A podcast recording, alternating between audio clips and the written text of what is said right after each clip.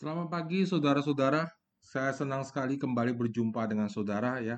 Ini tayangan pertama kita dengan bentuk yang baru dengan uh, metode yang baru di mana uh, saya akan melakukan rekam ulang saudara ya untuk khotbah kita minggu lalu ya. Jadi ini pertama kali saya akan bagian firman Tuhan dengan cara direkam saudara ya dan saya ya kita harus belajar saudara ya untuk terus maju ke depan dan uh, semakin hari semakin baik saudara ya kita harus mengejar uh, perkembangan zaman saudara ya. So, minggu lalu saudara rekaman kita ada sedikit gangguan, ya. Um, ada gangguan waktu itu saudara ya, sebagaimana saudara ketahui. Dan um, ya, karena itu saudara firman Tuhan ini akan diulang pada minggu ini saudara. Kenapa saudara? Karena semua firman yang dibagikan itu sangat penting sekali saudara ya, uh, buat kita semua. Jadi um, semua firman yang dibagikan itu penting sekali buat kita dan kita perlu um, mempelajarinya ya. Saya mendengar ada satu khotbah, satu pendeta bilang, oh kita perlu bagian firman Tuhan, uh, bla bla bla yang baik dan sebagainya supaya jemaat tetap tinggal di kita. Saya kira di kita ini bukan masalah jemaat tinggal di kita, saudara ya, tetapi di kita ini um, tugas saya bukan saudara membuat saudara tinggal di dalam gereja, saudara ya, karena tinggal dalam gereja, tinggal dalam komunitas yang sama itu adalah efek karena kita dapatkan makanan rohani yang membuat kita bertumbuh, saudara.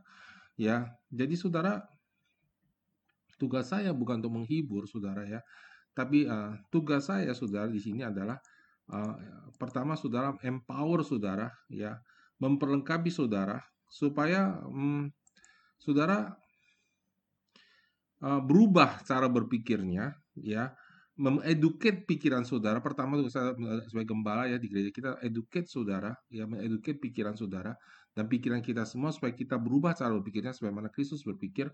Kemudian empower artinya membuat saudara punya kuasa hidup yang berkualitas dalam hidup saudara supaya saudara berbuah. Kemudian send you untuk mengirim saudara untuk pergi ke tempat-tempat di mana Tuhan menaruh saudara. So saudara bukan sebuah kita gereja apostolik bukan gereja yang membuat saudara hanya bertahan, duduk di sini, diam saudara ya.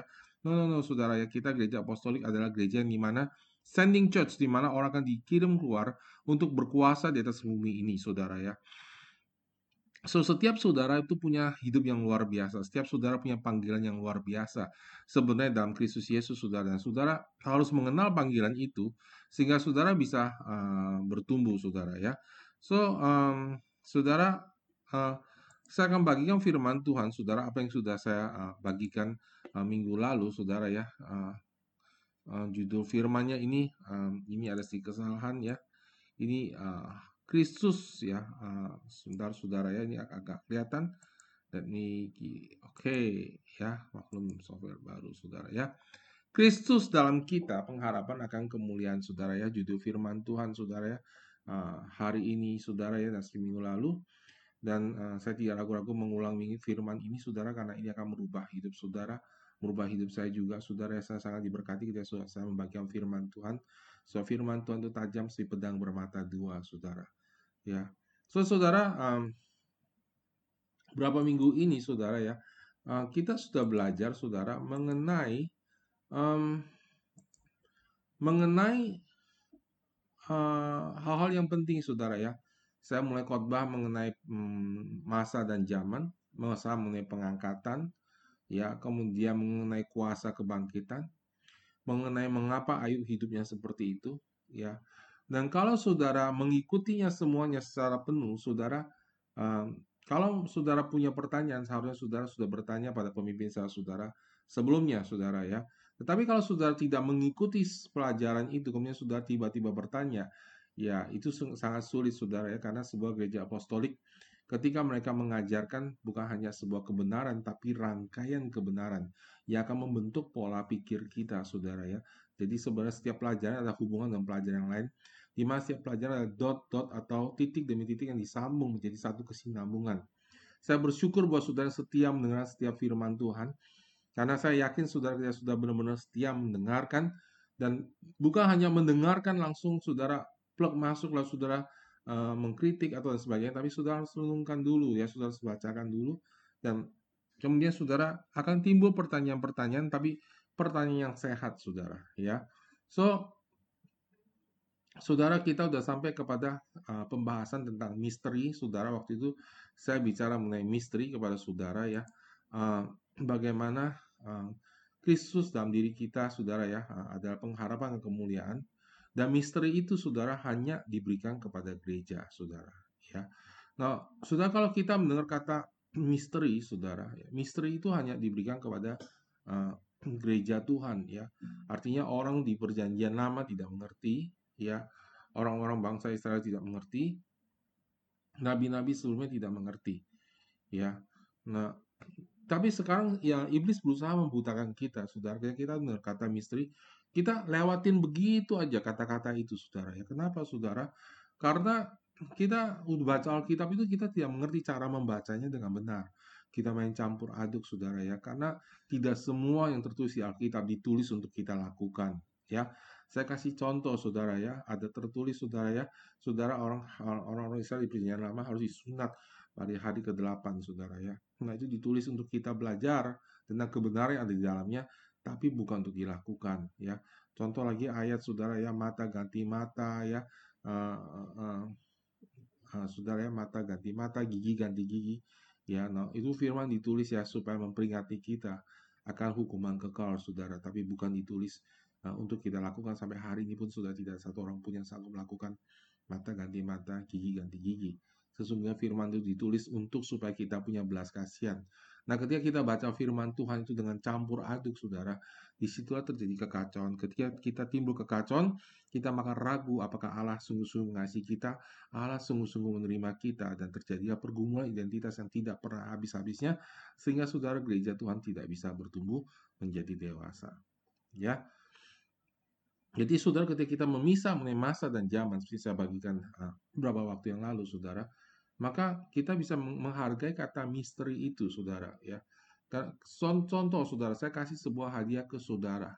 Ya, kasih tahu lah misalnya uh, saya di antara saudara, ya ini contoh aja ada yang namanya misalnya um, namanya Budi, saudara ya. Saya kasih hadiah sama si Budi, saudara ya. Saya kasih dia uh, sebuah uh, jam tangan, ya, yang mahal sekali, tetapi dia tidak tahu mengenai jam tangan itu, saudara ya. Ketika dilihat semuanya seperti biasanya aja, saudara ya. Kemudian dia taruh sembarangan, ya. Dia tidak perhatikan jam itu, ya. Beberapa hari kemudian saya datang ke Budi dan saya bilang, Budi, kamu tahu nggak jam tangan yang saya kasih ke kamu itu? Cuma untuk kamu Saya nggak pernah kasih ke orang lain jam tangan seperti itu. Dan jam tangan itu adalah jam tangan yang sangat-sangat berharga ya uh, dan itu adalah satu-satunya untuk kamu saja. Saya tidak kasih kepada orang lain. Nah sudah bisa bayangkan reaksinya Budi ketika tahu oh ini hanya buat saya. Kemudian ya perhatiannya fokusnya mulai tertuju ke situ dia mulai menyelidiki kenapa ini tidak diberitakan sebelumnya saudara. Ya so kata-kata misteri ini sangat penting saudara ya. Dan um, uh, mari kita mau uh, melihat firman Tuhan saudara ya di dalam Kolose 1 ayat 24 ya sampai 29. Ya, Kolose 1 ayat 24 sampai 29. Sekarang aku bersuka cita bahwa aku boleh menderita karena kamu dan mengenakan dalam dagingku apa yang kurang dalam penderitaan Kristus untuk tubuhnya itu jemaat. Aku telah menjadi pelayan jemaat itu sesuai dengan tugas yang dipercayakan Allah kepadaku untuk meneruskan firman-Nya dengan sepenuhnya kepada kamu, yaitu rahasia yang tersembunyi dari abad ke abad, dari turunan ke turunan, tetapi yang sekarang dinyatakan kepada orang-orang kudusnya. Kepada mereka, Allah memberitahukan betapa kaya dan mulianya rahasia itu di antara bangsa-bangsa lain, yaitu Kristus ada di tengah-tengah kamu. Ya, kata Kristus ada di tengah-tengah kamu tidak tepat terjemahannya, saudara ya di semua kita bahasa aslinya adalah Kristus di dalam kamu ya. Kristus di dalam kamu itu yang tepat. Jadi saya akan baca ya yaitu Kristus di dalam kamu. Kristus yang adalah pengharapan dan kemuliaan. Dialah yang kami beritakan apabila tiap-tiap orang kami nasihati dan tiap-tiap orang kami ajari dalam segala hikmat untuk memimpin tiap-tiap orang kepada kesempurnaan dalam Kristus. Itulah yang kuusahakan yang kupergumulkan dengan segala tenaga yang sesuai dengan kekuasaan yang bekerja dengan kuat di dalam aku. Ini ayat kaya banget saudara ya. saya baca ayat ini saudara dari satu ayat ini ya. Saya bisa khotbahkan ya mungkin dua atau tiga khotbah saudara ini luar biasa saudara ya. Nah saya mau bagikan beberapa hal saudara ya. Kita kalau baca ayat saudara ya, saya sarankan sudah baca dengan teliti ya, dengan perhatikan baik-baik ya. Sekarang aku bersuka cita bahwa aku boleh menderita karena kamu dan menggenapkan dalam dagingku apa yang kurang pada penderitaan Kristus untuk tubuhnya itu jemaat saudara. Saudara tahu penderitaan Yesus itu sudah cukup untuk jemaat. Amin. Ya, penderitaan Yesus itu cukup segala-galanya buat kita. Cukup untuk pengampunan dosa kita. Cukup untuk memberikan kita kuasanya itu Roh Kudus, ya. Cukup membebaskan kita dari semua ikatan, ya. Tidak ada yang kurang, Saudara ya. Cukup untuk memberkati hidup kita. Semua dasarnya adalah apa yang telah Yesus dilakukan di atas kayu salib, ya. Tapi ayat ini menarik sekali, saudara ya. Paulus bilang ada yang kurang, saudara ya. Kurang untuk tubuh, tubuhnya yaitu jemaat. Apa yang kurang, saudara ya? Ketika di kisah para rasul, saudara, ketika kita baca firman Tuhan, saudara, kisah para rasul adalah orang Kristen bayi rohani, ya. Sudah bisa bayangin ya, bayi rohani aja, jemaat yang masih bayi rohani, begitu besar kuasanya pada zaman itu, saudara. Ya, orang lumpuh berjalan, orang tuli mendengar, orang buta melihat, saudara ya, yang mati dibangkitkan ya, bahkan kena bayangan Petrus pun mereka dibangkitkan, saudara ya. Nah itu luar biasa sekali kuasa mereka pada waktu itu, saudara. Lalu pertanyaannya ya, mengapa kok kuasa kita sekarang uh, kok kelihatannya uh, berkurang dibanding mereka, saudara ya?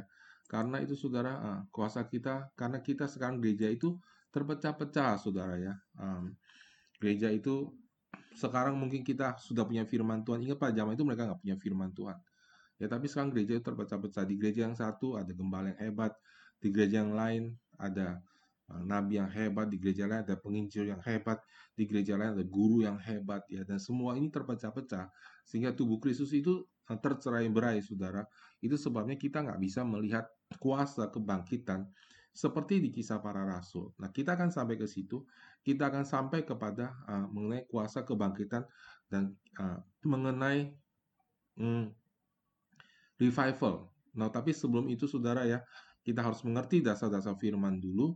Karena apa saudara yang bisa mempersatukan kita satu sama lain adalah pertama-tama dan terutama adalah firman Tuhan. Ya, hanya firman Tuhan yang bisa uh, menyatukan kita, saudara. Ya, so Saudara, mari kita lihat uh, baca firman ini selanjutnya, saudara ya. Dikatakan dalam apa yang kurang penderitaan Kristus, apa yang kurang untuk tubuhnya itu jemaat, yaitu Kristus belum sempat, saudara ya, uh, mendewasakan uh, jemaatnya, saudara ya. Belum sempat mendewasakan jemaatnya, ya. Aku telah menjadi pelayan jemaat itu ya, sesuai dengan tugas yang dipercayakan kepada Allah kepadaku untuk meneruskan firman-Nya dengan sepenuhnya kepada kamu, ya. Paulus mengatakan, aku harus sampaikan firman Tuhan dengan full kepada kamu ya. Yaitu rahasia yang tersembunyi banyak saudara. Dari abad ke abad, dari turunan ke keturunan. Ya berarti saudara ya ratusan tahun tersembunyi. Ya rahasia ini saudara ya. Dari generasi kepada generasi. Itu tidak dikasih tahu saudara ya. Para nabi tidak tahu. Tetapi sekarang misteri ini, rahasia itu bahasa Inggrisnya misteri, yaitu misteri yang tersembunyi dari abad ke abad dan turunan ke keturunan. Tetapi yang sekarang dinyatakan kepada orang-orang kudusnya, ya orang-orang yang dulu mereka di Alkitab mereka nggak mengerti, kepada mereka Allah mau memberitahukan betapa kaya, wow, kaya sekali saudara ya, dan mulia ya, glorious ya, mulianya rahasia itu di antara bangsa-bangsa lain, yaitu orang-orang tidak mengenal Tuhan ya, bisa melihat, oh sorry, uh, di antara bangsa-bangsa yang lain, yaitu saudara ya, orang-orang yang bukan orang Israel, saudara ya, yaitu Kristus ada di tengah-tengah kamu. Kristus yang adalah pengharapan akan kemuliaan. Wow, saudara ya, sampai di sini dulu, saudara ya. Kristus yang adalah pengharapan akan kemuliaan, saudara ya. Ayat ini luar biasa, saudara. Kristus ada di dalam diri kamu. Wow, saudara ya. Kepada mereka Allah memberitahu betapa kaya dan mulia rahasia itu di antara bangsa-bangsa lain. Itu Kristus ada di dalam kamu Kristus yang adalah pengharapan akan kemuliaan.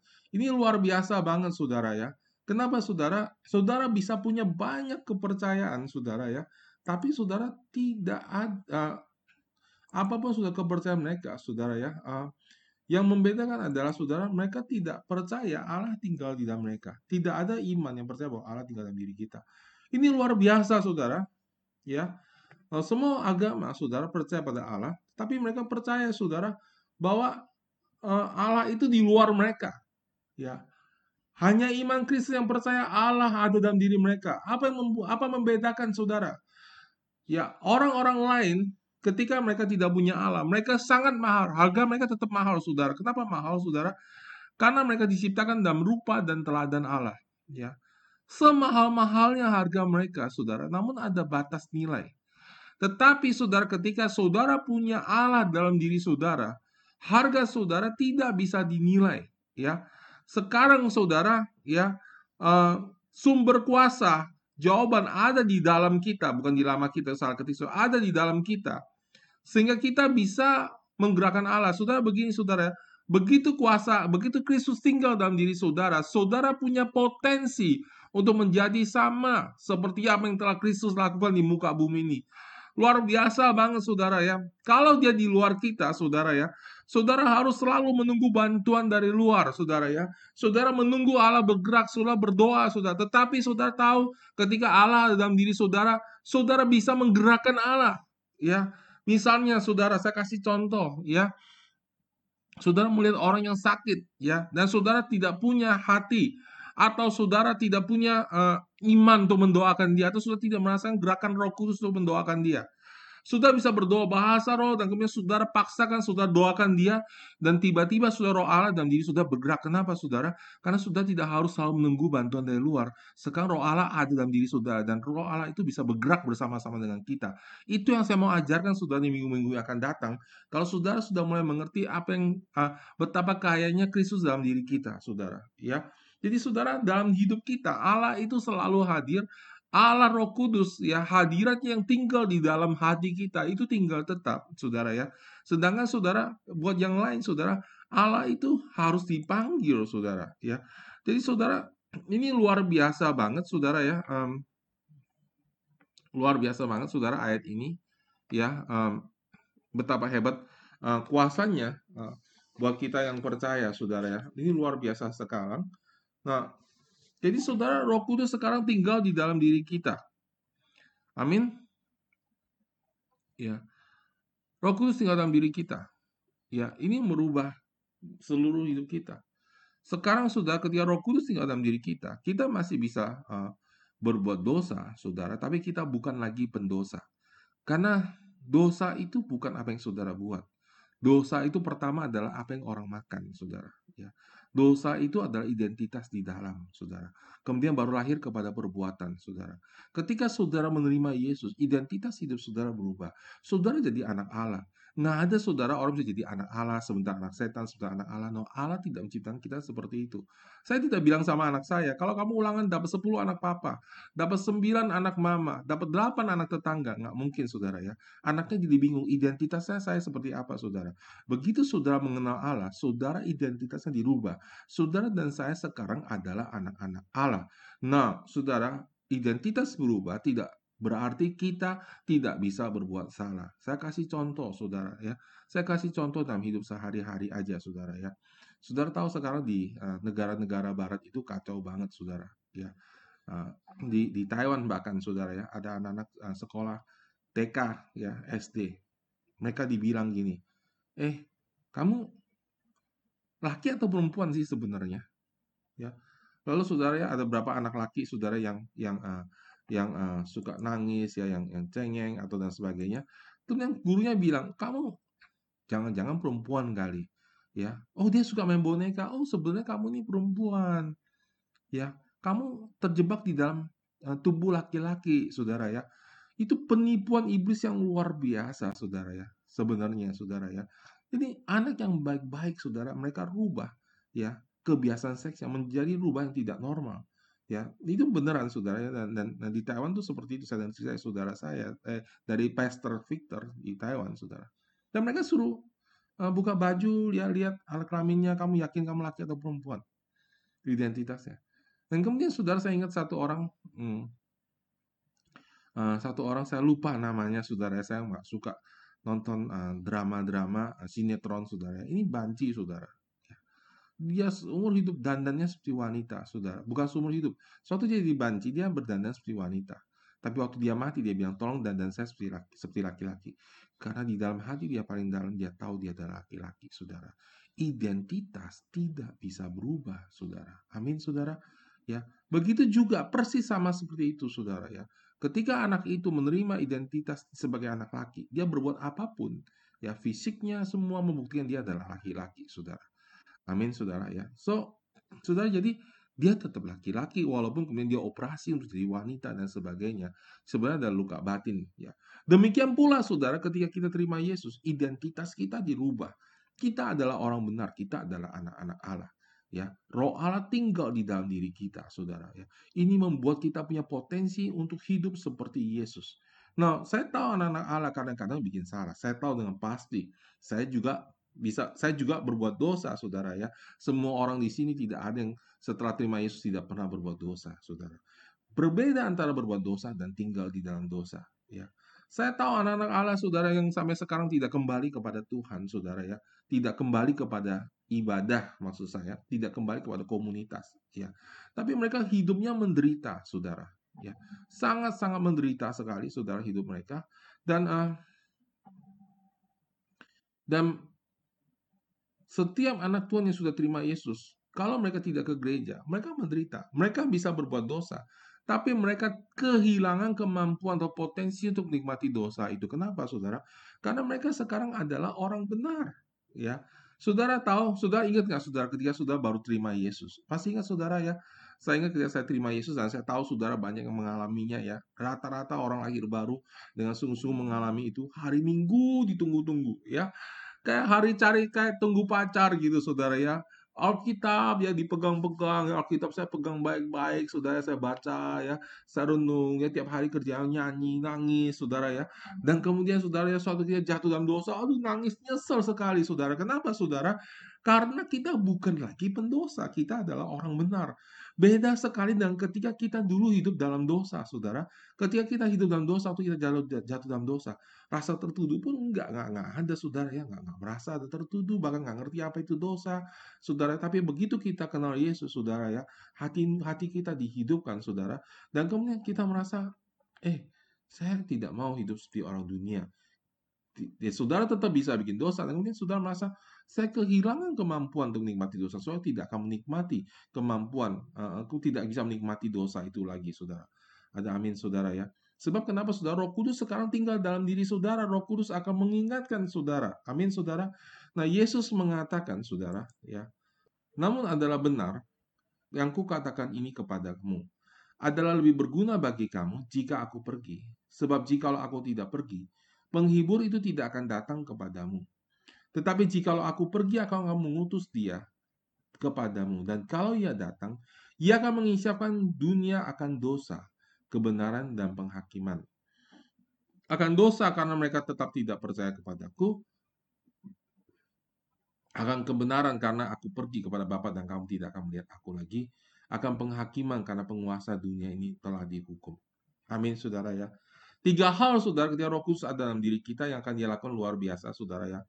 Pertama, saudara, kalau roh kudus ada dalam diri kita, saudara ya. Roh kudus itu menyadarkan kita, saudara, akan dosa, saudara ya. Pertama kita bertobat, roh kudus menyadarkan kita akan dosa. Apa itu dosa, saudara ya? Karena kita nggak percaya kepada dia, bukan dosa yang lain-lainnya. Sekarang pengampunan telah datang. Dan kalau kita tetap tidak percaya kepada dia, saudara ya, ah, kita bersalah, saudara ya. Jadi saudara kalau saudara pergi memberitakan Injil, saudara, jangan pusing apa yang saudara katakan. Ya, apa jangan pusing uh, apa yang orang lain respon sama saudara. Ketika Roh Kudus bekerja beserta dengan saudara, ingat ketika kita membaca Injil bukan hanya kita yang bekerja, tapi Roh Kudus bekerja dan Roh Kudus itu akan menyadarkan orang lain tentang dosa. Yang kedua, saudara, uh, dan yang kedua, saudara, akan kebenaran karena aku pergi kepada Bapa kan kamu tidak akan melihat aku lagi. Ya, Yesus pergi kepada Bapa dan saudara tidak melihat dia lagi, saudara. Tapi akan kebenaran itu kebenaran apa, saudara? Bahwa Yesus tinggal di dalam diri saudara. Ada amin, saudara. Ya, Yesus tinggal dalam diri saudara. Ya, yang kedua akan kebenaran ini adalah masalah identitas saudara. Nah, hari ini yang kita akan bahas, saudara ya. Yang ketiga akan penghakiman karena penguasa dunia ini telah dihukum, ya akan penghakiman bahwa penguasa di dunia ini sudah dihukum. Iblis itu sudah kalah, sudah dihukum. Ya, saya ingat saudara waktu dulu saya, ketika saya baru bertobat ya, penatua saya waktu bercerita ya, uh, sekelompok orang ngusir ngusir setan, saudara, ngusir iblis, dan uh, iblisnya nggak pergi-pergi, saudara. Ya, capek sekali mereka ngusirnya. Akhirnya penatua saya kesel dan dia bilang gini, iblis iblis, ya, kamu tahu Alkitab, saya juga tahu Alkitab menurut kitab Wahyu kamu sudah dikalahkan. Kamu tahu kamu sudah kalah dan saya juga tahu kamu sudah kalah. Udah deh jangan capek-capek. Ini kamu ini di sini terus tinggal. Pergi aja dalam nama Yesus. Akhirnya saudara ya, habis dia ngomong begitu, iblisnya langsung pergi. Kenapa saudara? Karena roh kudus memberitahukan kita akan kebenaran.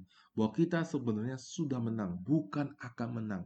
Ada amin saudara ya. Kita sudah menang di dalam Kristus Yesus. Kita sudah menang bersama-sama dengan Kristus Yesus. Kita sudah dibangkitkan bersama-sama dengan Kristus Yesus. Ada amin saudara. Ya. Nah, tiga hal ini saudara ya dan um, dan kita lihat di sini saudara ya. Uh, Yesus mengatakan saudara ya adalah namun benar kukatakan kepadamu adalah lebih berguna bagi kamu jika aku pergi. Sebab jikalau aku tidak pergi, penghibur itu tidak akan datang kepadamu. Tetapi jikalau aku pergi, aku akan mengutus dia kepadamu, saudara. Amin.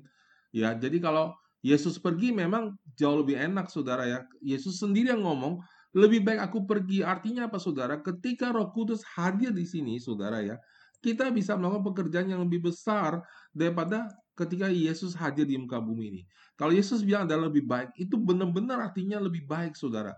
Jauh lebih baik, saudara, buat kita sekarang daripada zaman murid Yesus.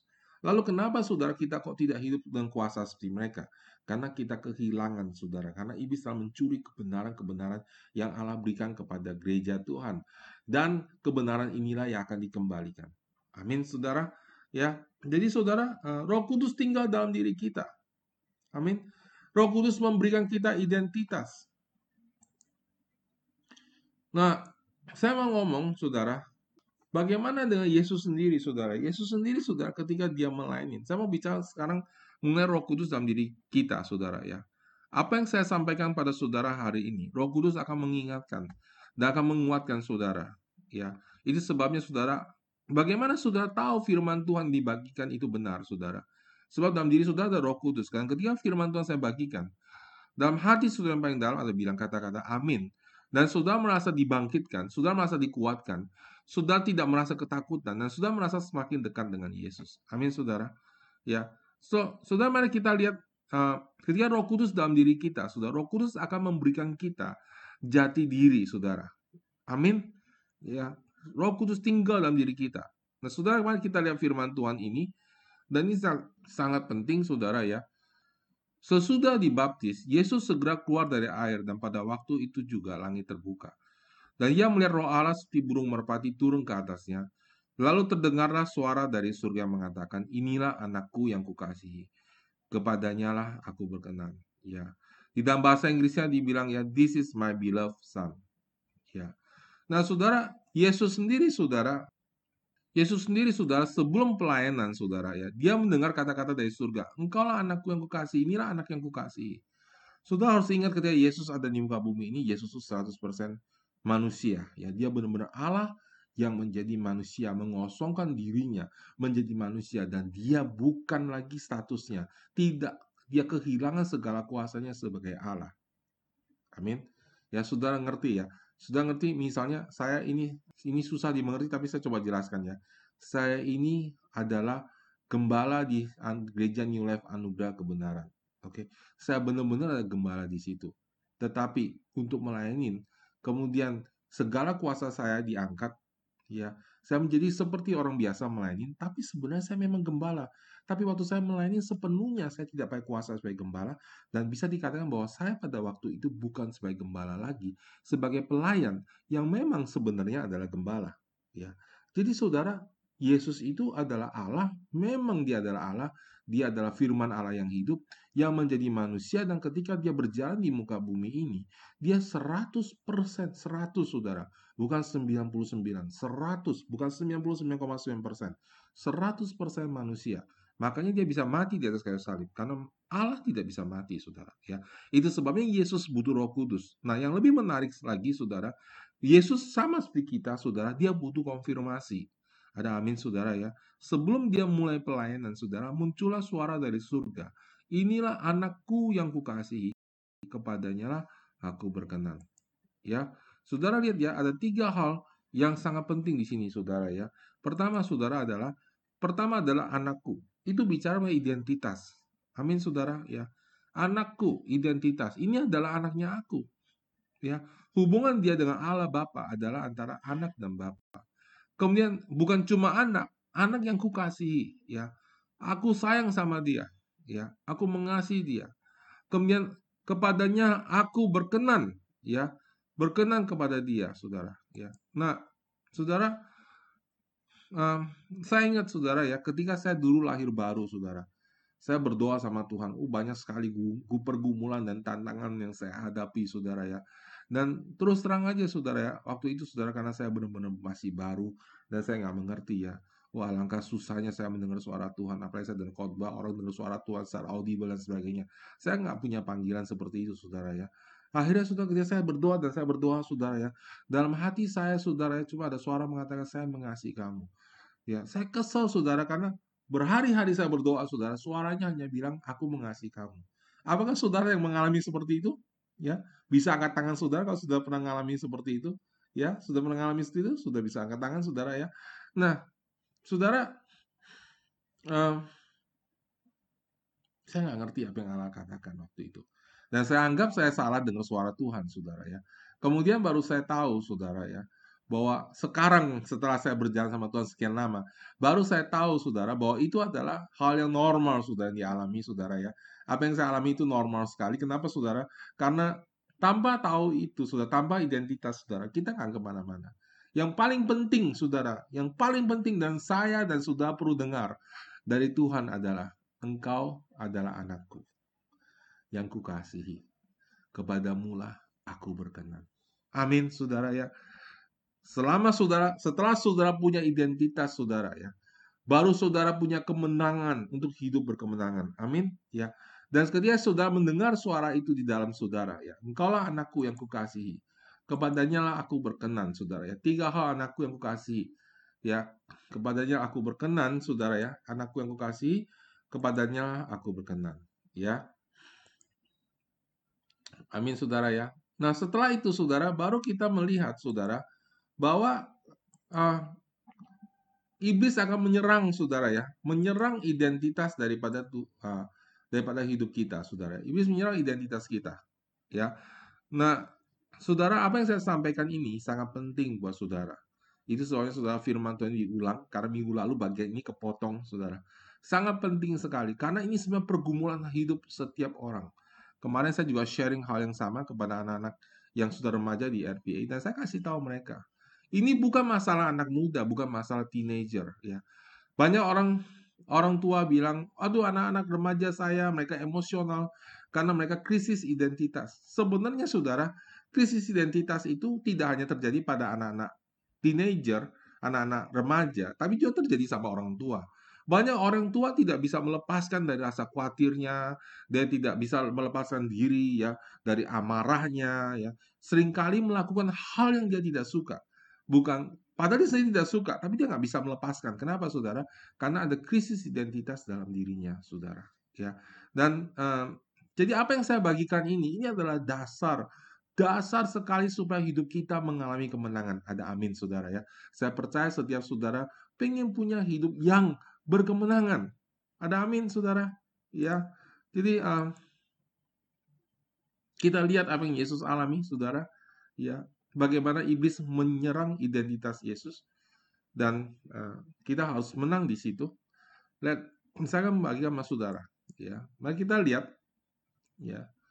Um, maka Yesus dibawa oleh Roh ke padang gurun untuk dicobai iblis, ya. Nah, saudara, di sini dulu, di sini dulu, ya. Kita berhenti di sini dulu, ya. Yesus dibawa oleh Roh ke padang gurun untuk dicobai iblis. Pertama-tama, ini prosesnya saudara ya. Allah selalu berusaha, Allah selalu Roh Kudus berusaha memulihkan identitas kita. Itu adalah modal dasar. Allah mengasihi kita bukan karena apa yang kita perbuat, bukan karena apa yang kita tidak perbuat. Saya ulangin lagi ya. Allah mengasihi kita bukan apa yang kita perbuat dan bukan juga apa yang kita tidak berbuat. Ya. Efesus mengatakan bahwa oleh kasih karunia kamu diselamatkan oleh anugerah itu bukan usahamu, itu bukan perbuatan baikmu, itu adalah anugerahnya Tuhan. Amin. Oleh oleh iman kita diselamatkan uh, dalam anugerah Tuhan. Amin, saudara ya. Oleh anugerah kita diselamatkan melalui iman, saudara. Ya, begitu kata Efesus, saudara. Jadi, saudara, sebelum kita berbuat apa-apa, saudara, Allah berkenan kepada kita karena iman kita, bukan karena apa yang kita perbuat. Kesalahan sebagian dan kesalahan sebagian terbesar orang Kristen adalah menilai diri dia dari apa yang dia perbuat. Ya, Nanti saya akan kasih saudara lihat ya um, apa yang iblis lakukan kepada Yesus ya dan kemudian saudara akan mengerti apa masalah utama dalam hidup kita sekali lagi saudara ini bukan masalah usia saudara ya kalau kita tidak bereskan saudara di hadapan Tuhan kita harus bereskan. Kita semua harus bereskan bereskan identitas kita dan merasa aman dalam, Tuhan dan kemudian kita baru bisa bertumbuh. Amin saudara ya. Kemudian saudara dikatakan begini saudara ya. Kita lihat ya. Maka Yesus dibawa oleh roh ke gurun untuk dicobai iblis dan setelah berpuasa 40 hari 40 malam akhirnya lapar Yesus. Dengar saudara ya, Roh Kudus selalu akan membawa hidup kita untuk diuji. Ada amin saudara ya. Ketika hidup kita diuji buat kita, ya Yesus melakukan ini sebagai contoh buat kita, ya. Sebenarnya Yesus pasti lewatin ujian karena dia manusia tapi sempurna, saudara. Tapi Yesus berjalan sebagai contoh buat kita. Bahwa kita semua harus diuji. Waktu diuji, saudara, setiap saudara waktu diuji, waktu saudara ditekan, ya, waktu kita mengalami kesulitan, saudara, waktu kita diuji, semua kelemahan kita akan keluar, saudara. Amarah, kecewa, ya, oh banyak banget, saudara. Ya, masalah akan keluar, saudara. Ya, dan saudara um, akan keluar semuanya, saudara ya, dan uh, dan Allah akan memulihkan kita. Kita lihat saudara sekarang apa yang apa yang terjadi sama Yesus, saudara. Ya, um, Ya. Dan setelah berpuasa 40 hari lamanya, akhirnya lapar Yesus lalu datanglah mencoba dan berkata kepadanya, "Jika engkau anak Allah, jika engkau anak Allah." Ya. Apa itu saudara? Apa itu saudara? Serangan pada identitas. Amin. Serangan pada identitas. Jika engkau anak Allah. Ya. Dia kan sudah anak Allah. Apa urusannya sama iblis? Kamu anak Allah atau bukan anak Allah? Saudara kita menjadi anak Allah bukan karena iblis yang mengatakan. Kita jadi anak-anak, anak Allah karena apa yang Tuhan katakan, bukan? Bukan apa yang orang katakan kamu anak Allah atau bukan. Ya. Saya ingat saudara waktu saya baru bertobat ya.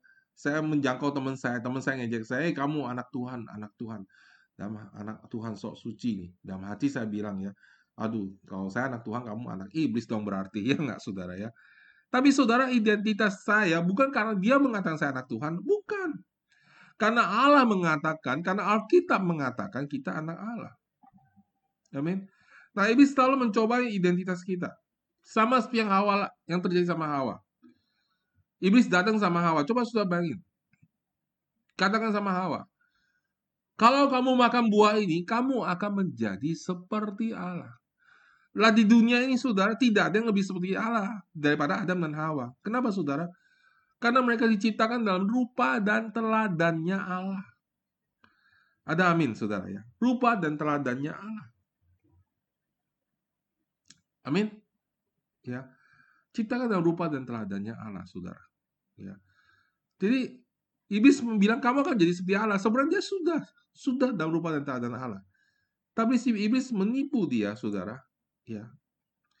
Dan coba menyerang identitasnya. Ini juga akan terjadi dalam hidup kita, ya. Apa yang iblis katakan? Iblis kata begini, Saudara, ya. Jika engkau anak Allah, perintahkan supaya batu ini menjadi roti. Apa itu, Saudara? Ya. Apa sih sebenarnya yang dia katakan? Buat sesuatu dong. Buktikan kamu anak Allah. Bikin dong. Bikin sesuatu dong. Betul nggak saudara? Perbuat. Sering nggak hidup saudara seperti itu? kalau kamu memang hebat, kalau kamu anak Tuhan, buktikan dong, bikin dong, menangkan orang dong.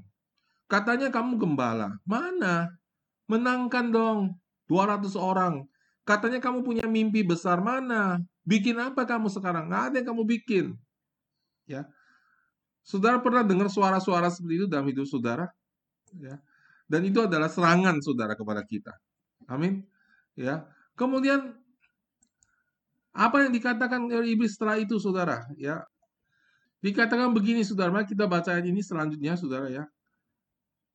Kemudian Yesus menjawab, ada tertulis manusia bukan hidup dari roti saja tetapi dari firman yang keluar dari mulut Allah. Kemudian iblis membawanya ke kota suci dan menempatkan dia di hubungan bait Allah.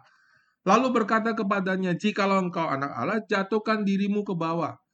Sebab ada tertulis mengenai engkau, ia memerintahkan malaikat-malaikatnya dan mereka akan menatang engkau di atas tangannya, supaya kakimu jangan terantuk sama batu." Ya. Apa sih ini saudara? Ya saudara tahu bait suci ya di Yerusalem, ya Wow, itu itu kalau saudara bayangkan seperti mungkin kalau misalnya uh, kalau gereja di Jakarta itu gereja katedral, saudara, gereja terbesar, termegah di seluruh Indonesia, saudara ya. Nah, ini bait suci, ya bait suci itu sebenarnya pada perjanjian lama itu kabahnya orang-orang Yahudi, saudara, ya. Jadi bayangin iblis bilang, aku taruh engkau di bubungan bait suci di ujungnya sana. Kalau kamu jatuh, malaikat akan menatang engkau. Apa yang dia katakan? Nanti kalau kamu jatuh, malaikat menantang kamu. Semua orang akan lihat, wow, luar biasa ya. Hebat nih, benar-benar anak Allah. Artinya apa, saudara? Ya, apa kata orang? Kamu akan jadi terkenal di situ. Nih orang lain ngomong apa tentang saya itu penting. Itu tentukan identitas saya. Apa kata orang, saudara ya? Itu yang diserang, saudara ya. Nah, saudara, yang terakhir, saudara ya. Saudara lihat di situ. Yesus menjawab, ya, ada tertulis jangan kau mencobai Tuhan alamu.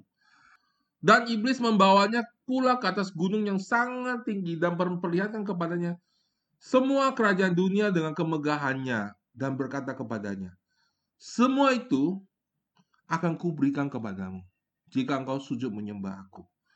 Maka kata iblis, kata Yesus kepadanya, nyala iblis, sebab ada tertulis engkau harus menyembah Tuhan alamu dan hanya dia saja yang engkau sembah. Ya, hanya hanya kepada Dia sajalah engkau berbakti. Ya, sudah lihat di situ. Iblis kasih lihat semua kekayaan dunia dan memang semua kekayaan dunia punya iblis pada waktu itu, saudara. Ya. Karena Yesus belum mati di atas kayu salib, Yesus belum mengambil kembali. Sekarang saudara harusnya milik anak-anak Allah. Bukan supaya kita jadi kaya, tapi supaya kita pakai untuk memberkati bangsa-bangsa. Ya, kita nggak perlu kekayaan, untuk kita bawa ke surga, saudara, karena kita ada anak-anak Allah. Tapi kita perlu di dunia ini untuk merubah dunia, untuk membawa kemuliaan bagi anak. Amin, saudara-saudara. Ya, jadi saudara, iblis kasih lihat nih semua kekayaan. Nih loh, saya kasih kepada kamu kalau kamu nyembah saya. Apa sih sebenarnya esensinya dari percobaan itu? Adalah esensi daripada pencobaan itu adalah kamu punya nggak? Kamu punya apa? Ya. Jadi saudara, Tiga hal ini saudara yang dicobai oleh iblis, saudara ya. Dan untuk menyerang identitas Yesus. Apa itu saudara? Kita coba ulang saudara ya. Tiga hal itu saudara yang dipakai untuk menyerang identitas Yesus. Apa itu saudara? Ya. Pertama, apa yang kamu perbuat? Ya. Siapa sih kamu? Kamu benar-benar berhasil. Udah bikin apa sih? Udah perbuat apa kamu selama ini? Ya. Sudah pernah ngalami ini? Amin. Ya. Kamu bikin apa nih? Orang tua biasanya ngomong begitu ke anaknya. Ya, kamu sekolah aja bodoh. Kamu memang orang bodoh. Buktinya sekolah kamu bodoh. Ya, identitasnya dirusak oleh orang tuanya. Saya mau ngomong sama orang tua sebentar, saudara ya. Dengar saudara-saudara, apa yang saudara katakan dan apa yang saudara tidak katakan itu sangat-sangat penting buat anak saudara. Ya. Dan saudara ketika identitas itu ketika orang tua tidak mau belajar mendidik anak dan ketika mereka taruh identitas yang salah dalam diri anak itu saudara susahnya memperbaiki identitas itu saudara ya sampai orang tuanya sendiri yang mencabut identitas itu atau saudara ya uh, Roh Kudus yang mencabut identitas yang salah itu ya melalui pelayan-pelayan Tuhan atau melalui sebuah kebaktian atau melalui suatu kehadiran Tuhan baru saudara itu bisa disembuhkan. Identitas sangat menentukan, ya. Tiga hal itu saudara ya. Dan uh, tiga hal itu ya. Yang apa kata orang tentang kamu? Sudah pernah nggak saudara ya? Terutama saudara yang uh, yang ibu-ibu ya ke gereja gitu saudara ya. Kebetulan pagi itu terburu-buru saudara ya. Mungkin merasa alisnya kurang sedikit ya kurang sini kurang sini kurang panjang sedikit ya saya sih alisnya kurang masa bodoh ya kalau pria nggak di situ areanya ya uh, biasanya dia lebih ke pria itu lebih uh, kepada hal-hal yang dia miliki itu yang penting buat pamer saudara ya. Tapi kalau wanita waduh ini saya kurang alis nih ya. Saya dari lahir kurang alis saya nggak apa-apa saudara ya. Kemudian kalau saya wanita saya gambar alis saya saudara ya. Suatu hari saudara ya saudara bangun tidur tiba-tiba sadar ya saudara ke gereja buru-buru ya. Nggak keburu sudah tiba-tiba saudara merasa alisnya ini kurang hitam sedikit gitu saudara ya. Kemudian ada di situ orang lagi bicara ketawa wah sudah liatin dia aduh dia tuh lagi ketawain saya tuh. Ya ketemu di situ ya orang lagi ngobrol wah dia pasti ngobrolin saya tuh. Itu orang kok diem banget dia nggak nyambut saya. Wah itu pasti gagal dia ngejek saya tuh alis saya tuh. Ya semuanya menunjuk pada saya saudara ngerti nggak? Sudah pernah rasakan begitu nggak, saudara? Semua orang, saudara, ya, pernah merasakan begitu, saudara. Ya, apa yang orang katakan kepada kamu? Wah, itu berusaha. Lalu kita berusaha berbuat sesuatu supaya orang lain berkata yang baik tentang kita. Kita bikin sesuatu supaya orang lain berbuat baik kepada kita. Ya. Ya. Kemudian saudara ya, apa yang kamu perbuat, apa kata orang lain kamu. Yang ketiga adalah apa yang kamu miliki. Apa kata dunia? Ya. Kamu punya apa sih? TV kamu berapa in? Berapa in? 14 in. Kecil banget. Saya sudah 104 in. Hohoho. Itu rumahnya cuman saudara ya. Biar rumah saya kecil ya, tujuan ruangan tamunya cuma 30 meter persegi ya. Itu satu ruang tamu itu ya saya punya kulkas yang paling besar ya saya punya AC-nya eh, saya punya TV-nya ya, mungkin 55 in, 60 in kalau nyala, waduh semua silau ruangan saya. Yang penting TV-nya gede biar orang orang menghargai saya. Ya orang bilang, wah Pasep nih orangnya hebat, lu inget gak Pasep? Itu itu dia rumahnya Pasep, itu rumah Pasep tuh. Pasep kamu nggak tahu yang punya rumah itu yang TV-nya itu 66 in. Ya, gede kayak bioskop, ya. Padahal rumahnya kecil, ya. Kenapa saudara dia lakukan itu? Ya, orang orang-orang menghabiskan uang untuk itu, saudara. Kenapa? Karena ingin orang lain puji. Ya, ingin orang lain puji, saudara. Amin. Ya, ingin dapatkan identitas. Amin, saudara. Tiga hal itu selalu dalam hidup kita. Orang akan nilai kita dari apa yang kita perbuat, ya. Orang lain ngomong apa tentang kita, ya. Terus apa yang kita punya. Lalu kita bergumul seumur hidup. Kita berusaha nyenangin semua orang. Kita berusaha bikin orang-orang senang. Ya, si A mau saya tersenyum, saya tersenyum. Si B bilang, kamu tuh terlalu banyak senyum, saya kurangin senyumnya. Ya, ketemu si C, ya, wah kamu pakai bajunya kaos nggak rapi, wah saya pakai dasi. Ketemu si D, kamu pendeta kok pakai dasi, ini zaman apa, pakai kaos. Ya. Akhirnya saudara ya sudah bisa gila dengan apa yang orang katakan. Dan saudara, kalaupun saudara kita tidak gila, saudara, kita tidak akan mencapai panggilan hidup kita. Kenapa, saudara? Karena kita bergerak menurut apa yang orang yang katakan, bukan apa yang Tuhan taruh dalam hati kita, saudara. Amin, saudara. Ya, itu sebabnya, saudara ya. Alkitab mengatakan, saudara ya. Um, firman Tuhan mengatakan, ya, kepada mereka Allah mau memberitakan betapa kayanya dan mulianya, ya. Kepada mereka Allah mau memberitakan betapa kaya dan mulianya rahasia itu di antara bangsa-bangsa itu Kristus ada di dalam kamu Kristus yang adalah pengharapan akan kemuliaan amin saudara Kristus ada dalam diri kita dialah yang kami beritakan apabila tiap-tiap orang kami nasihati dan tiap-tiap orang kami ajari dalam segala hikmat untuk memimpin tiap-tiap orang kepada kesempurnaan dalam Kristus itu yang kuusahakan dan ku bergumulkan dengan segala tenaga ya sesuai dengan uh, ya kita baca ayatnya komplit ya dengan segala tenaga sesuai dengan kuasa yang bekerja dan kuat di dalam aku. Ya. Wah, ayat ini saudara luar biasa banget saudara. Membebaskan saya sekali. Ya. Dulu saudara, ketika saya baru bertobat, sudah tahu ya, semua kepercayaan di muka bumi ini mementingkan apa yang sudah perbuat. Hanya Yesus yang mementingkan roh Allah yang tinggal dalam diri saudara. Ada amin saudara. Ya. Dan saudara kita semua sebelum percaya pada Yesus. Kita datang dari sistem dunia ini, sistem hukum Taurat. Dan ketika saya lagi counseling orang, ketika orang jatuh dalam dosa, ah, kasihan sekali saudara ya. Banyak banget orang Kristen yang baru bertobat saudara, kemudian mereka jatuh ke dalam dosa, bukan tinggal di dalam dosa. Mereka tiba-tiba marah, tiba-tiba bikin kesalahan yang sama, dan kemudian saudara, mereka mau bertobat, kemudian hati mereka tertuduh. Saya sudah nggak layak lagi datang ke gereja. Kenapa saudara? Karena mereka menilai diri mereka dari apa yang mereka perbuat. Padahal saudara, roh kudus tinggal dalam diri mereka. Itu bahasa saya adalah roh kudus itu dwell, artinya permanen tinggal dalam diri kita. Artinya apa saudara? Allah sudah menghapuskan dosa saudara dan saya satu kali untuk selama-lamanya dan karena itu Allah tidak menuduh kita lagi. Ada amin saudara ya. Seperti khotbah-khotbah saya minggu lalu sudah boleh dengarkan. Jadi saudara ketika orang bikin dalam dosa, saudara saya dulu bikin yang salah, saya bilang, eh kamu ya bertobat, kamu harus lakukan, kamu mau kembali sama Tuhan? Oke. Satu, berdoa. Ya. Dua, baca Alkitab. Tiga, pergi nginjil. Saudara bayangkan, saudara, dia sudah jatuh, saudara. ya Sudah terjerembab. Saya suruh dia berdoa, saya suruh dia baca Alkitab. Saya suruh dia ke gereja. Dari mana kekuatannya ada? Nggak ada. Nggak ada kekuatan, saudara. Itu sebabnya saudara Yesus bilang sama Maria, Maria, Maria, ya khotbah saya minggu lalu, kamu lakukan banyak hal berbuat banyak hal. Tapi Allah tidak berkenan, saudara. Allah mau satu hal aja yang diambil Maria, duduk dengar.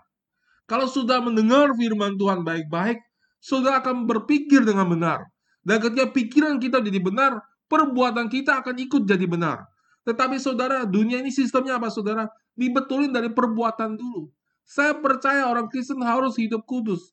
Tetapi hidup kudus itu bukan dari apa yang kita perbuat, Hidup kudus itu lahir karena kita mengerti siapa kita di dalam Kristus, siapa Kristus di dalam diri kita, saudara. Kita mengerti bahwa Yesus tinggal dalam diri kita, dan kemudian kita tahu apa yang telah Yesus perbuat untuk hidup kita, itu akan merubah hidup kita, membuat hidup kita berubah, saudara. Perbuatan kita berubah, pengudusan kita adalah lahir dari dalam, bukan dari apa kata orang, bukan karena apa yang kita punya, bukan apa karena apa yang kita perbuat, tetapi karena apa yang Roh Kudus taruh dalam hati kita bahwa sekarang kita adalah anak-anak Allah. Supaya kita benar-benar anak Allah, Alkitab mengatakan di kitab Roma, maka Allah mengutus rohnya masuk ke dalam hati kita supaya kita itu benar-benar anak Allah. Ada amin saudara, ada amin saudara ya. Jadi saudara, dialah yang kami beritakan apabila tiap-tiap orang kami nasihati dan tiap-tiap orang kami ajari dengan segala hikmat untuk memimpin tiap-tiap orang kepada kesempurnaan dalam Kristus. Ada amin saudara. Dialah yang kami beritakan. Wow, luar biasa saudara ya. Jadi saudara ketika saya menasihati orang, saudara ketika orang jatuh sekarang saya berubah saudara. Saya bilang, apa kamu enjoy ketika kamu jatuh dalam dosa? Enggak pak. Kamu tahu nggak Tuhan mengasihi kamu? Kamu masih pengen nggak jadi seperti yang Tuhan panggil kamu? Oh kepingin pak, tapi saya nggak mampu. Nggak perlu kamu mampu. Yang perlu kamu lakukan adalah dengarkan firman Tuhan. Kamu harus tahu bahwa Tuhan mengasihi kamu. Kenapa orang jatuh? Kenapa orang gagal, saudara? Karena mereka tidak yakin. Percayalah sama saudara, saya sama saya saudara. Saya manusia sama seperti saudara ya. Saya diselamatkan oleh anugerah. Seringkali dalam hidup saya, saudara. Kalau kita mau jujur, saudara ya. Kita mau jujur. Seringkali kita meragukan kasih Allah sama kita. Iya apa iya? Amin. Seringkali kita merasa, ini Tuhan kok begini sih? Ya enggak, saudara? Ya. Kenapa saudara kita terus melihat di luar? Kita nggak diajari untuk melihat ke dalam. Tapi saudara tiap-tiap orang, apabila tiap orang kami ajar, kami nasihati dalam segala hikmat, ya memimpin setiap orang ke dalam kesempurnaan dalam Kristus, dia yang kami beritakan. Siapa yang kita beritakan soal Yesus? Di mana Yesus? Ya. Di mana Yesus, saudara? Ya. Ayat ini, saudara ya, berikut ini, saudara ya, yang uh, yang luar biasa ya yang saya akan uh, bagikan sama saudara di mana Yesus saudara? Ya di 2 Korintus saudara ya 2 Korintus 3 2 Korintus 3 ayat 7 sampai 18 ya. Pelayanan yang memimpin kepada kematian terukir dengan huruf pada loh-loh batu. Namun demikian kemuliaan Allah menyertainya juga menyertainya waktu ia diberikan. Sebab sekalipun pudar juga cahaya muka Musa yang begitu cemerlang, sehingga mata orang Israel tidak dapat tidak tahan menatapnya. Jika pelayanan itu datang dengan kemuliaan yang demikian, betapa lebih besarnya lagi kemuliaan yang menyertai pelayanan roh. Sebab jika pelayanan yang memimpin kepada penghukuman itu mulia, betapa lebih mulianya lagi pelayanan yang memimpin kepada pembenaran. Sebenarnya, apa yang dahulu dianggap mulia, jika dibandingkan kemuliaan yang mengatasi segala sesuatu ini, sama sekali tidak punya arti. Sebab jika yang pudar itu disertai dengan kemuliaan, betapa lebihnya lagi yang tidak pudar itu disertai kemuliaan. Karena kami mempunyai pengharapan yang demikian, maka kami bertindak dengan penuh keberanian. Tidak seperti Musa yang menyelubungi Musa, mukanya, supaya orang-orang Israel jangan melihat hilangnya cahaya yang sementara itu. Tetapi pikiran mereka telah menjadi tumpul, sebab sampai pada hari ini sulubung itu masih tetap menyelubungi mereka. Jika mereka membaca perjanjian lama itu tanpa disingkapkan. Karena hanya Kristus saja yang dapat menyingkapkannya, ya. Bahkan sampai pada hari ini, setiap kali mereka membaca kitab Musa, ada selubung yang menutupi hati mereka. Tetapi apabila seorang berbalik kepada Tuhan, maka selubung itu akan diambil daripadanya. Sebab Tuhan adalah roh, dan di mana ada roh Allah, di situ ada kemerdekaan. Ayat 18. Dan kita semua mencerminkan kemuliaan Tuhan dengan muka yang tidak terselubung, karena kemuliaan itu datang dari Tuhan yang adalah roh, maka kita dirubah menjadi serupa dengan gambarnya dalam kemuliaan yang semakin besar. Wow, saudara, ini ayat yang luar biasa, saudara ya. Apa itu saudara pelayanan Musa, saudara? Bukan uh, tidak lain adalah pelayanan saudara ya. Sepuluh perintah Allah. Kenapa katakan bahwa itu adalah pelayanan yang mengenai uh, pelayanan mengenai uh, pelayanan mengenai hukum Allah yang terukir pada loh-loh batu tidak lain tidak bukan adalah sepuluh perintah Allah, saudara. Amin. Ya, Kemudian dikatakan Paulus sekarang yang kami lainnya adalah pelayanan roh. Apa itu pelayanan roh, saudara? Pelayanan yang menekankan pekerjaan Roh Kudus. Secara simpelnya aja, kita kita kita katakan seperti itu, saudara. Kita jelaskan seperti itu, saudara ya. Jadi saudara dikatakan sampai hari ini orang Israel kalau baca kitab, mereka masih terselubung. Jangankan orang Israel, saudara, orang Kristen pun sampai hari ini kalau baca Alkitab masih terselubung, saudara ya. Mereka masih menuduh, mereka masih pakai hukum Taurat karena hanya di bawah hukum Taurat orang bisa dituduh. Tetapi bilang saudara di sini katakan, ketika orang berbalik kepada Tuhan, maka selubung itu diangkat dari mukanya. Ada amin saudara? Sebab Tuhan adalah roh. Dikatakan sebab Tuhan adalah roh. Tuhan yang mana saudara? Tuhan roh kudus. Kalau sudah berbalik kepada Tuhan yang ada roh, saudara lihat ke mana saudara? Ke surga? Bukan. Kalau sudah berbalik kepada Tuhan yang ada roh kudus, saudara melihat di mana? Di hati saudara. Ada amin saudara? Ya, di hati saudara. Saudara melihat saudara ya, Tuhan yang ada di hati saudara. Amin. Ketika saudara melihat hati saudara, dan di situ kan saudara melihat dari cermin kemuliaan kepada kemuliaan. Ketika saudara melihat kaca, saudara lihat cermin saudara, saudara lihat itu siapa saudara? Diri saudara sendiri. Saya sekarang lihat depan layar, saya lihat diri saya sendiri. Nah, saudara saya bisa lihat diri saya sendiri. Waduh, saya punya banyak kelemahan. Ya, mungkin hidung saya kurang mancung, ya.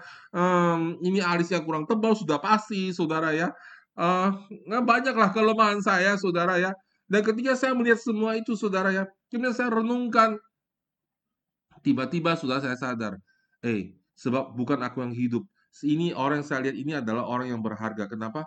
Karena di dalamnya, saudara ya, ini yang yang ada Roh Kristus di dalam dirinya, saudara.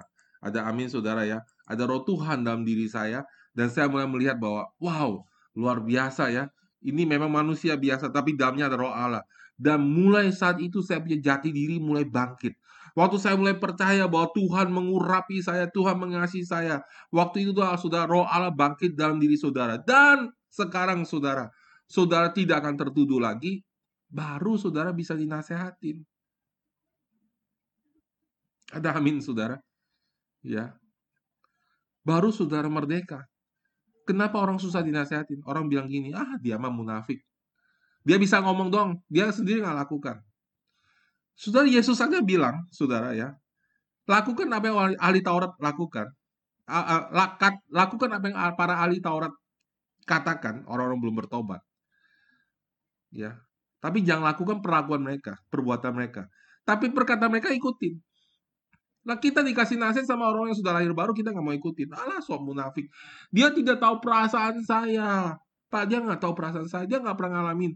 Saudara-saudara nggak pernah ngalami perasaan siapa pun. Nggak ada orang bisa mengenal saudara. Bahkan suami, saudara, istri, saudara pun nggak akan merasakan apa yang saudara rasakan. Amin, saudara ya. Waktu istri saya melahirkan anak pertama, saya bilang, ye, luar biasa, Sian, kamu bisa. Ayo, berbahasa roh, hurra, nama syakaraba, rabakara, nama sian marah. Minggir, minggir, minggir. ya. Tapi saya mau kasih dia semangat. Ayo, Sian, bahasa roh kamu bisa. Apakah saya salah? Wah, suami saya sih ngomongnya gampang, dia nggak pernah rasain. Ya tentulah saya tidak merasakan. Saudara tahu nggak menurut penelitian kalau laki-laki disuruh melahirkan karena laki-laki punya emosi berbeda dengan wanita. Kalau benar-benar laki-laki disuruh melahirkan seperti wanita, laki-laki itu akan mati, saudara. Karena nggak kuat menanggung penderitaan seperti wanita. Wanita itu luar biasa, ya. Amin, ibu-ibu ya. Emosinya itu luar biasa, menanggungnya luar biasa. Makanya biasa wanita itu lebih tahan, ya emosinya tertekan, ya lebih sabar, ya ada amin saudara ya. Dan saudara, akhirnya saudara, kita nggak mau terima nasihat orang karena orang tidak mau mengerti kita, orang nggak ngerti kita, orang mengkritik kita. Saudara, saya kasih tahu, semua orang pernah menghakimin orang dan dihakimin orang. Saya mau kasih tahu saudara, nggak ada yang sempurna di antara kita. Ada amin saudara ya. Saya pasti, saya mau ngomong sama saudara, saya pasti pernah suatu saat menghakimi orang, menghakimi saudara. Apa itu menghakimin? Saya menilai saudara adalah A, padahal sebenarnya maksud saudara adalah B, tapi saya anggap A. Maka itu adalah salah, saudara, menghakimin. Artinya itu, saudara. Ya, kita semua pernah menghakimin dan kita pernah dihakimin. Papa mama kita pernah menghakimin kita. Kita juga pernah menghakimi anak kita. Kenapa papa mama menghakimi kita? Karena mereka nggak mengerti perasaan kita. Kenapa kita menghakimi anak kita? Karena kita tidak mengerti perasaan mereka. Tetapi saya mau tanya saudara, apakah harus nunggu seseorang mengerti perasaan kita baru kita mau melakukan yang benar? Tidak. Ada amin, saudara. Ya, kalau ada orang ngomong sama saya dan menurut saya apa yang dia katakan itu benar, sekalipun dia akan mengatakan dengan nada menghakimin, sekalipun dia mengatakan dengan nada yang salah, sekalipun dia menang mengatakan dengan cara yang menuduh saya, tapi saya tahu apa yang dia katakan itu sebenarnya benar dan baik buat saya, saya akan lakukan. Kenapa, saudara? Karena saudara identitas saya tidak ditentukan dari apa yang dia katakan, identitas saya adalah karena Roh Kudus ada dalam diri saya. Ketika Roh Kudus bilang, "Itu kamu harus lakukan." Saya akan lakukan. Kenapa, Saudara? Apa yang orang lain katakan sama saya kecil sekali artinya, Saudara. Ya Paulus mengatakan, dia tidak akan menentukan hidup saya, Saudara. Amin. Karena sudah jangan respon, dengar sudah baik-baik, dengar yang youth, dengar sudah bapak-bapak, ibu-ibu. Kalau engkau mau mencapai panggilan hidupmu, jangan respon terhadap apa kata orang. Ketika orang kasih ngomong sesuatu, dengar roh kudus bilang apa, ikutin identitas yang ada dalam diri saudara. Ada amin, saudara. ya. Bayangin kalau saudara anak sekolah, sudah sekolah arsitek, sudah gara-gara nggak suka sama gurunya, sudah pindah jurusan jadi hukum, misalnya. ya. Dan saudara, akhirnya sudah lulus, tidak memenuhi panggilan saudara. Kenapa? Oh, karena saya benci sama gurunya. Konyol banget, saudara ya. Hidup sudah dirubah sama orang lain. Biar aja gurunya ngajarnya gimana. Dia nggak suka sama sudah. Kalau sudah tahu Tuhan panggil saudara di situ, tetap di situ. Ada amin, saudara. Jadi mengerti identitas saudara itu sangat penting, saudara. Mengerti saudara anak Allah sudah dikasih sekali sudah diampuni sekali untuk sama lamanya akan membuat saudara berani. Dan ini adalah dasar saudara. Ya, amin.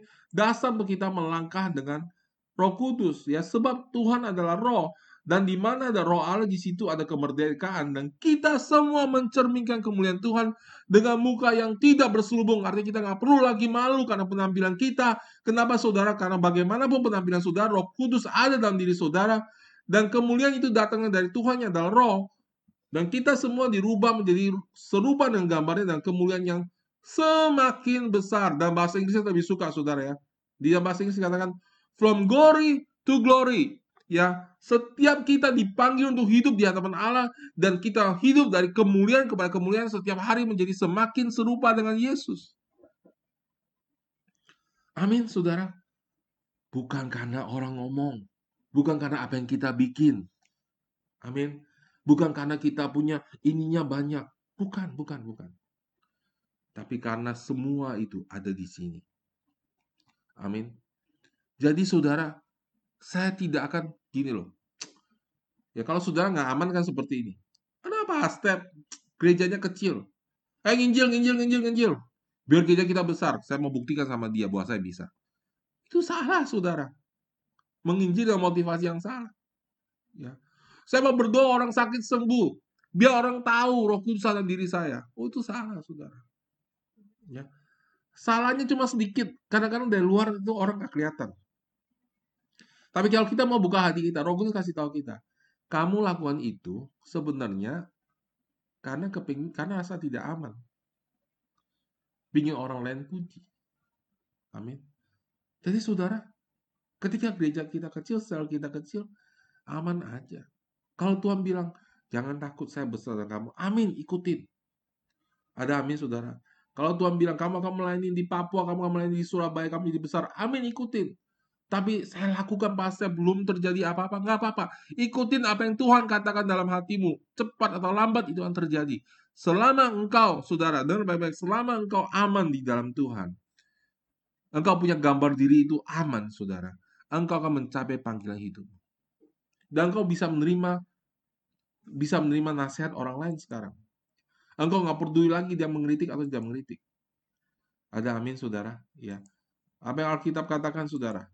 Dikatakan begini, ya. Sudah kita lihat lagi, ya. Ideal yang kami beritakan apabila tiap-tiap orang kami nasihati dan tiap-tiap orang kami ajari dalam segala hikmat untuk memimpin tiap-tiap orang kepada kesempurnaan dalam Kristus. Itulah yang kuusahakan dan ku pergumulkan dengan segala tenaga sesuai dengan kuasa yang bekerja dengan kuat di dalam aku. Ya. Saudara Saudara ya yang kekasih dalam Tuhan. Mengerti kita adalah orang benar. Kita adalah anak-anak Allah. Adalah modal pertama. Ya. Nanti saya ajarkan Roma 8. Saudara. Roma 8. Jadi sekarang tidak ada penuduhan bagi banyak tinggal yang hidup dalam Kristus Yesus. Roh yang tinggal dalam diri kita membebaskan kita dari hukum Taurat dan semua penghukuman, saudara. Ada amin, saudara. Ya. Mengetahui seseorang tidak ada penghukuman adalah dasar untuk kita bisa dipakai oleh Tuhan. Sudah harus mengerti firman Tuhan hari ini. Mengetahui bahwa Tuhan mengasihi saya, bahwa saya adalah anaknya yang kekasih. Kepada kepada kulah dia berkenan. Saya adalah anak yang terkasih. Karena apa yang Yesus lakukan, semuanya, semuanya tujuannya adalah untuk saya dan saudara. Ketika suara turun dari surga, suara itu turun bukan hanya untuk Yesus dengarkan, itu dicatat bukan supaya hanya untuk Yesus. Itu dicatat untuk saudara dan saya. Kenapa saudara? Karena Yesus lakukan di atas kayu salib supaya apa pun yang dia dapat dari kehidupannya yang benar di bawah hukum Taurat diberikan kepada kita dengan cuma-cuma atas dasar iman. Semua anugerah, semua berkat diberikan kepada kita karena iman, saudara. Ada amin, saudara. Jadi, saudara, ketika muncul suara, inilah anakku yang kukasih, kepadanya aku berkenan. Itu ditulis untuk saudara dan saya supaya saudara dan saya tahu bahwa karena Yesus lakukan itu, sekarang saudara dan saya mengikuti jejak Yesus. Kita adalah anaknya yang kekasih. Kepada kita lah dia berkenan. Ada amin saudara. Ya, Saudara, dari sini saudara mulai mengerti. ya. Saya dulu nggak ngerti saudara. Saudara lihat nggak saudara? Kita mau jujur ya, realita aja sebagai orang Kristen ya. Kadang, -kadang orang Kristen hidup yang baru bertobat saudara ya. Ya kacau-kacau hidupnya ya. Lebih baik dapat yang lama saudara. Lebih banyak mujizat maksud saya. Ya dia berdoa, oh mujizat terjadi, ya ini sembuh itu sembuh. Yang lama saudara ya, adem di gereja baik ya. Tapi saudara nggak terjadi mujizat. Kenapa? Karena yang lama itu dia terus menerus nggak sadar dalam hatinya bilang, gua lebih baik dari dia, gua lebih baik dari dia, gua lebih baik dari dia. Itu seperti anak sulung katakan seperti itu. Tapi orang baru dia ngerti apa-apa. Dia cuma bilang, karena anugerah saya diselamatkan. Wah, lebih besar mujizatnya. Kenapa tahu saudara? Karena dia mendasarkan hidupnya atas iman, bukan karena perbuatan. Lalu bagaimana dengan perbuatannya Pak Step? Tenang. Begitu dia ngerti bahwa dia dikasih Allah, hidupnya berubah, saudara. Ya. Hidupnya berubah. Tidak lagi lahir dari kepahitan, saudara. Hidupnya berubah. Amin, saudara. Ya, Saya sudah melihat orang yang hidupnya kacau-kacau ketika dia dipakai oleh Tuhan. Ketika dia diurapi oleh Tuhan. Urapan itu merubah hidup orang lain. Tapi juga merubah hidupnya sendiri dan kemudian hidupnya berubah, saudara. Ada amin, saudara ya. Mengerti identitas kita sangat penting, saudara. Ada amin. sehingga saudara kita uh, bisa bergerak dalam Roh Kudus. Karena saya mau bawa saudara bergerak dalam Roh Kudus. Kenapa saudara? Karena ayat tadi mengatakan bahwa dia yang kami beritakan apabila tiap-tiap orang kami nasihati dan tiap-tiap orang kami ajari dalam segala hikmat untuk memimpin tiap-tiap orang kepada kesempurnaan dalam Kristus. Itulah yang kuusahakan dan kupergumulkan dengan segala tenaga sesuai dengan kuasanya yang bekerja dengan kuat di dalam aku. Ketika kita mengerti Kristus dalam kita ada pengharapan akan kemuliaan. Kuasa Allah bangkit dalam diri kita. Kemudian saudara, kita rindu menginjil. Kita mau memulihkan orang. Oh, kita rindu, saya rindu melihat revival terjadi. Tapi bukan lagi kenapa, saudara? Bukan lagi kekuatan saya, tapi karena Kristus yang bekerja dalam diri saya. Sekarang, saudara ya, saya tidak pusing, saudara ya, apa yang orang lain katakan, apa yang sudah saya berbuat atau tidak. Setiap pagi, saudara, saya bisa berdoa, bisa mencari wajah Tuhan, sudah bisa berdoa mencari wajah Tuhan. Setiap hari sudah bisa baca Alkitab tanpa rasa tertuduh. Akhirnya sudah punya hubungan indah dengan Dia. Dan akhirnya saudara, roh Allah itu semakin kuat bekerja dalam diri kita. Dan hadiratnya di luar memenuhi kita, saudara. ya. Dan kemudian saudara, makin banyak mujizat terjadi dalam hidup kita. Itulah hidup Kristen yang sejati. Ada amin, saudara. Ya, Saya berharap saudara apa yang disampaikan hari ini sungguh-sungguh memberkati saudara ya. Dan ini adalah dasar saudara ya untuk kita bisa melangkah bergerak dalam roh. Ada amin saudara ya. Mari kita berdoa. Bapa di surga, aku berdoa saat ini untuk setiap uh, anakmu yang dengar firman pada hari ini. Aku berdoa Tuhan, perkataanku terbatas, tapi saya tahu Roh Kudus kau bekerja lebih dalam, beyond my imagination di luar kemampuan saya untuk berkata-kata. Tuhan Roh Kudus kau akan bukakan hati anak-anakmu dengan firman ini. Hati yang haus Tuhan. Dan aku berdoa Tuhan yang identitasnya rusak selama ini karena apa yang orang lain katakan tentang mereka dan mengenai apa yang mereka perbuat atau apa yang mereka punya. Tuhan, aku berdoa Tuhan yang orang tua taruh identitas yang salah dalam hidup mereka. Aku berdoa Tuhan kau sembuhkan mereka di dalam nama Tuhan Yesus. Sembuhkan identitas mereka di dalam nama Tuhan Yesus.